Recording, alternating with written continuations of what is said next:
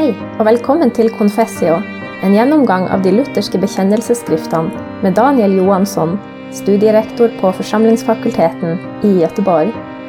Podkasten er produsert av foross.no. Det är dags för en ny genomgång av vår evangelisk-lutherska bekännelse. Vi fortsätter att se på artiklarna i den Augsburgska bekännelsen och vi har nu kommit fram till den sjätte artikeln som har rubriken om den nya lydnaden. Vi inleder med att läsa igenom artikeln. Vidare lär de att denna tro bör frambringa goda frukter och att den bör göra, göra goda, av Gud befallda gärningar, därför att så är Guds vilja, inte för att vi skall tro att vi genom dessa gärningar förtjänar rättfärdiggörelse inför Gud. Ty syndernas förlåtelse och rättfärdiggörelse mottages genom tron, så som även Kristi ord betygar. När ni har gjort allt som har blivit er befallt, då ska ni säga vi är bara ringa tjänare, vi har endast gjort vad vi var pliktiga att göra. Detsamma lär även kyrkans gamla lärare. Ty Ambrosius säger, så är bestämt av Gud att den som tror på Kristus ska bli frälst i det att han utan gärningar genom tron alena oförskyllt får syndernas förlåtelse. Om den nya lydnaden eh, var rubriken. Man skulle kunna sätta rubriken Trons frukter eller till och med rättfärdiggörelsens frukt. För eh, artikeln svarar på vilken plats gärningarna har när de är uteslutna ifrån själva rättfärdiggörelsen.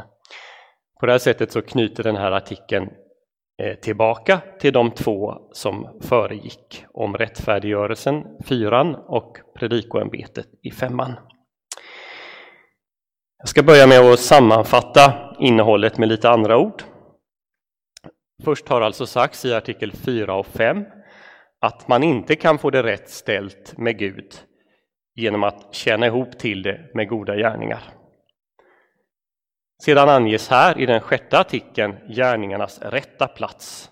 De kallas för goda frukter av tron eller av Gud befallda gärningar. Men sen sägs återigen att syndernas förlåtelse och rättfärdiggörelsen tas emot, inte görs genom tron.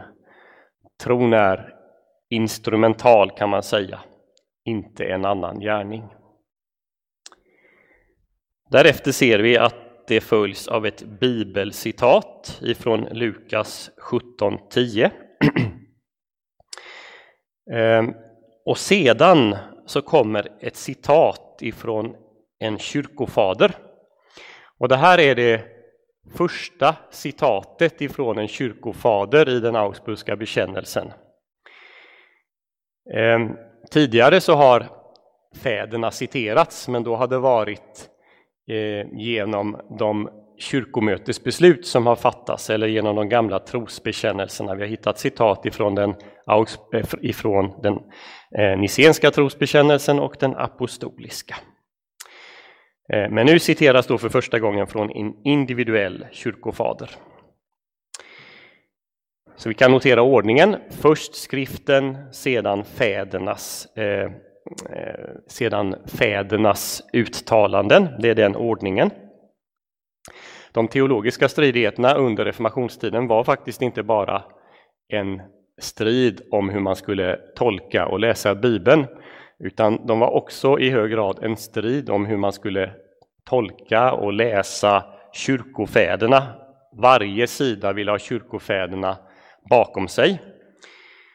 En som har skrivit om det här är min kollega Torbjörn Johansson som i sin avhandling behandlar just Martin Kemnitz användning av Augustinus. Här hänvisas till Ambrosius. Ambrosius han var biskop i Milano på 300-talet, den andra hälften av 300-talet. Nu är det emellertid så att det här är eh, förmodligen inte alls Ambrosius som har sagt, utan det här har blivit tillskrivet Ambrosius. Vi vet inte riktigt vem den är. Han kallas ibland för pseudo-Ambrosius eller Ambrosiaster. Det vi vet är att det här är en teolog som verkar i, troligen i Rom på 300-talets andra hälft. Och citatet kommer ifrån den allra första latinska kommentaren till Paulus brev. Det här är en kommentar som skrevs till första Korintierbrevet.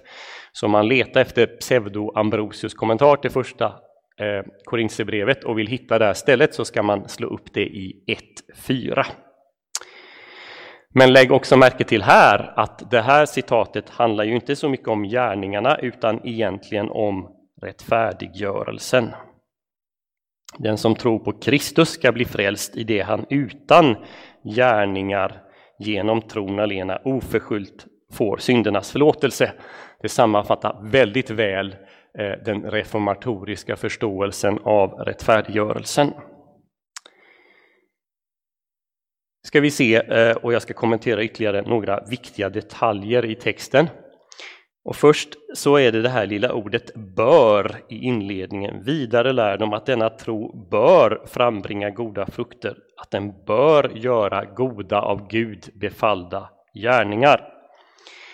Kanske någon reagerar på det och tänker, måste inte tron göra goda gärningar? Kunde man inte formulera det starkare?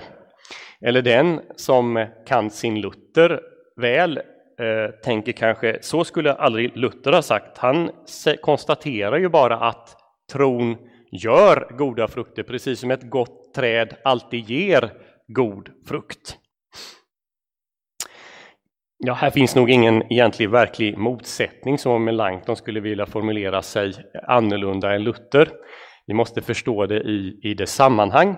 Och sammanhanget är det att den kritik som Luther och de andra reformatorerna har utsatts för Eh, när de har framlagt sin förståelse av en människa får det rätt ställt inför Gud. Då har man mött den kritiken att man gör om intet gärningarnas betydelse i en kristens liv överhuvudtaget. Ska en kristen göra några goda gärningar? Och då försvarar den här artikeln sig emot den beskyllningen. Det är verkligen så att en kristen bör göra goda gärningar. Man kan säga att artikeln ger svar på tre stycken olika anklagelser. Det första är då den här att de goda gärningarna inte har någon plats alls. Jo, svarar den här artikeln, de har en viktig plats. Som följd av att man har blivit en människa som har fått sina synders förlåtelse. Det är det första. Det andra är att gärningarna nu får en helt annan, en annan motivering. De görs inte för att man ska få det rätt ställt med Gud och ett gott samvete. De görs därför att den som av Gud har blivit förklarad för rättfärdig för Kristi skull, tagit emot förlåtelsen, för att den personen gör goda gärningar. Det följer på tron. Och så den tredje saken som också finns med i formuleringarna, jag tror att, jag hoppas ni noterade, att det stod av Gud befallda gärningar. Det understryks alltså att det handlar om gärningar som Gud verkligen vill och i sitt ord har talat om att vi ska göra. Här riktas en kritik, en underförstådd kritik emot alla de gärningar som man under medeltiden har diktat upp som särskilt fromma, till exempel att göra pilgrimsresor, att bli extra from genom att gå i kloster eller helgonkulten och så vidare. Istället så ska vi göra de av Gud befallda gärningarna och vilka är de? Jo, de sammanfattas i budet du ska älska din nästa som dig själv. Det här med gärningarnas plats i den kristna tron, det är ju inte helt lätt. Inte ens om man har klart för sig i teorin vad det handlar om, eh, så vet varje kristen att, att det är svårt. Hur mycket enklare är det inte att tro att man har det gott ställt med Gud, eh, att Gud är glad i en, att man kan förlita sig på Guds vänskap, för att citera Rosenius, när man på kvällen kan tänka tillbaka på en lång rad goda gärningar som man har gjort under dagen. Det är mycket lättare än om man har ett dåligt samvete en dag full av misslyckanden och överträdelser. Men även den teoretiska frågan kom att bli en strid eh, ibland de som bekände sig till den Augsburgska bekännelsen. Eh, under åren som följde så kom det att diskuteras eh, om vilken plats gärningarna faktiskt har. Det var en teolog som hette Georg Major som hävdade att goda gärningar är absolut nödvändiga. Man kan inte bli frälst utan goda gärningar, sa han. Eh, att han sagt så ledde till den så kallade majoristiska striden, uppkallad efter hans efternamn, den majoristiska striden. Och då uppträdde det motståndare som man kan säga gick till den andra, andra ytterligheten. En eh, teolog vid namn Nikolas von Amstorg hade sagt, och om man ska vara riktigt ärlig så hade han nog citerat Luther, att goda gärningar är skadliga för saligheten. Båda de här ytterligheterna, att de är absolut nödvändiga för saligheten, att de är skadliga för saligheten, avvisas i Concordieformen som är den stora skriftsamlingen som vi har slutet på våra bekännelseskrifter. Ehm, båda positionerna som sagt avvisas. Ehm, och det sägs att människor kan bli fördömda både genom epikuréernas vanföreställningar. Vad betyder det? Jo, epikuréerna var de, den grupp filosofer i antiken som eh, menade att, man kan säga att de var antikens livsnjutare. Man kunde göra lite som man ville, bara man njöt av livet. Ehm, och man kan också bli fördömd genom papisters och fariseers förtröstan på egna gärningar. Vad lär då Concordieboken positivt? Hur kan den hjälpa oss att förstå gärningarnas plats? Jo, först säger den att goda gärningar följer på en sann tro på Kristus, precis som frukten växer på det goda trädet. Man säger också, den andra punkten, att gärningarna måste uteslutas helt och hållet när det handlar om själva frågan om rättfärdiggörelsen. Och så hänvisas till exempel till Romarbrevet, till det fjärde kapitlet, där Paulus citerar en saltasalm från David. Vi kan leta upp den senare. Och ifrån Efesierbrevet 2.8 och framåt. Den är utesluten från rättfärdiggörelsen. Och sen för det tredje säger man att de som är pånyttfödda, det vill säga de som har kommit till en sann tro på Kristus, de är pliktiga, för de har den heliga Ande att göra goda gärningar. Och så kommer i den fjärde punkten, och här finns då en anspelning på den här artikeln vi nu talar om, eh, Augsburgska bekännelsens sjätte artikel. Så säger de att det är på det sättet ordet bör ska förstås. Som troende är den heliga Ande verksam och verkar goda gärningar i den kristne.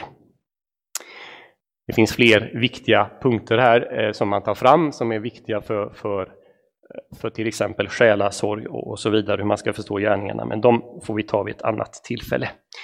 Poängen är den här, de goda gärningarna är uteslutna i rättfärdiggörelsen. Det är inte därför vi får Guds förlåtelse, men de är en viktig del av det kristna livet och det som vi kallar för helgelsen.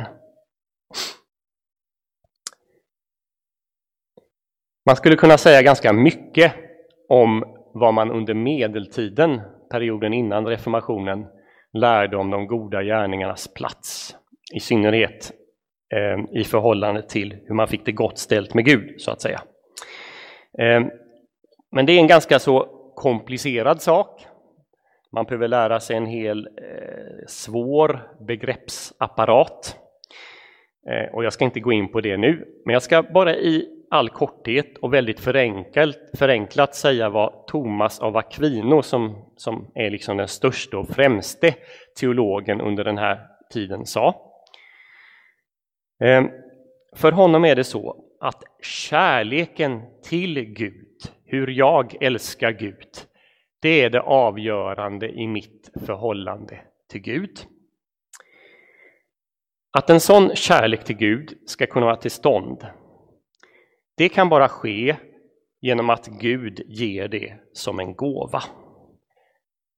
Men när människan har fått den här gåvan att kunna älska Gud, då menar Thomas att hon verkligen kan älska Gud. Och när hon gör det så kan hon förvärva den till saligheten nödvändiga förtjänsten. Alltså genom sin kärlek så kan hon att säga, göra goda gärningar som ger en förtjänst inför Gud, för saligheten. Och anledningen till att man tänker så här, det är att man menar att Gud kan bara ha att göra med verkligt eh, fromma, heliga människor. Alltså man tänker så att Guds helighet gör att oheliga människor, olika oheliga ting liksom kastas bort. Gud kan bara ha att göra med heliga människor. Och det här är egentligen bakgrunden till skärseldsläran.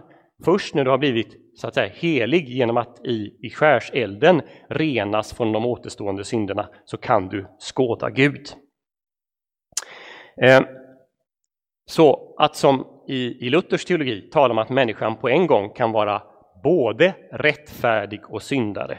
Det är enligt, eh, enligt, enligt Thomas närmast ett hån emot Gud. För nåden det är en kraft som gör att människan kan lyfta sig hos Gud. Men hos Luther, det har vi redan talat om, och i den reformatoriska teologin, så är nåden Guds välvilliga inställningen, hans, att han, han liksom favoriserar oss människor. Eh, och vad innebär den? Jo, att för oss, vi, för oss människor, det enda som kan göra Gud välvilligt inställd till oss, det är det Kristus har gjort, den rättfärdighet som han har förtjänat. När vi genom tron håller oss till den, då är Gud välvilligt inställd till oss. Ja, inte bara det, han liksom kämpar för oss för att bevara oss i en rätt tro. Så Kristi gärning, den kan man bara ta emot genom tron, inte genom kärleken. Ehm, så om man nu bara enkelt ska, ska liksom ta fram de två olika positionerna så kan man säga att, att för Thomas så handlar det om att människan i sig själv, men med Guds nåd och den kärlek som, som Gud ger, blir värdig för det eviga livet. Men i den evangeliska teologin så sker det genom Kristus alena. Det är skillnaden. Till sist, innan vi avslutar genomgången den här gången, så skulle jag bara vilja kommentera det bibelställe som Melanchthon här citerar, nämligen Lukas 17.10. Vi är bara ringa tjänare, vi har endast gjort vad vi var pliktiga att göra. Kan man tycka, vad har det egentligen med, med rättfärdiggörelsen att göra? Vad har det med goda gärningar att göra? Det har faktiskt väldigt mycket med det att göra. För tydligare än så kan det väl inte sägas att Kristus avvisar förtjänster hos lärjungarna. När vi har uppfyllt Guds lag, när vi har gjort allt det Gud förväntar sig av oss människor, så har vi faktiskt inte gjort mer än det Gud kräver av oss. Det vill säga, vi kan inte förtjäna någon, någon extra förtjänst eller någon bonus som sen kan räknas oss till godo, utan vi har bara gjort precis det vi förväntas göra. Ehm, och om man läser igenom evangelierna och ser noggrant på när Jesus talar om domen och när han ska komma tillbaka, så ska ni lägga märke till att med undantag av ett ställe så talar Jesus aldrig egentligen om gärningarna då, utan han lyfter fram en enda sak som det avgörande kriteriet om en människa ska bli frikänd eller förkastad i domen. Och det kriteriet är Jesus själv. Han säger, den som bekänner mig inför människorna, den ska jag bekänna inför min fader. Undantaget är Matteus 25, när Jesus lyfter fram en lång rad olika gärningar.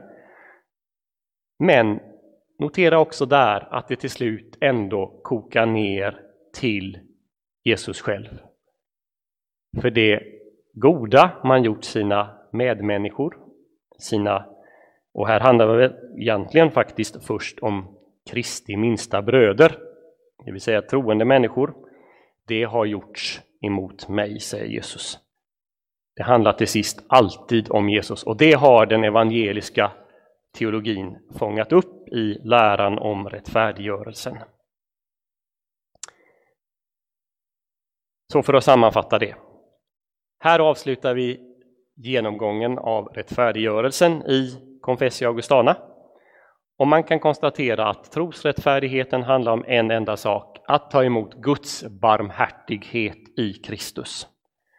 Och om det är så, om det är det det handlar om, att det är det enda man kan göra, då förstår vi också att eh, jag kan aldrig egentligen göra något själv i mitt förhållande till Gud mer än att ta emot detta. Och det gäller när jag blir en kristen, det gäller under hela det kristna livet och det gäller i domen.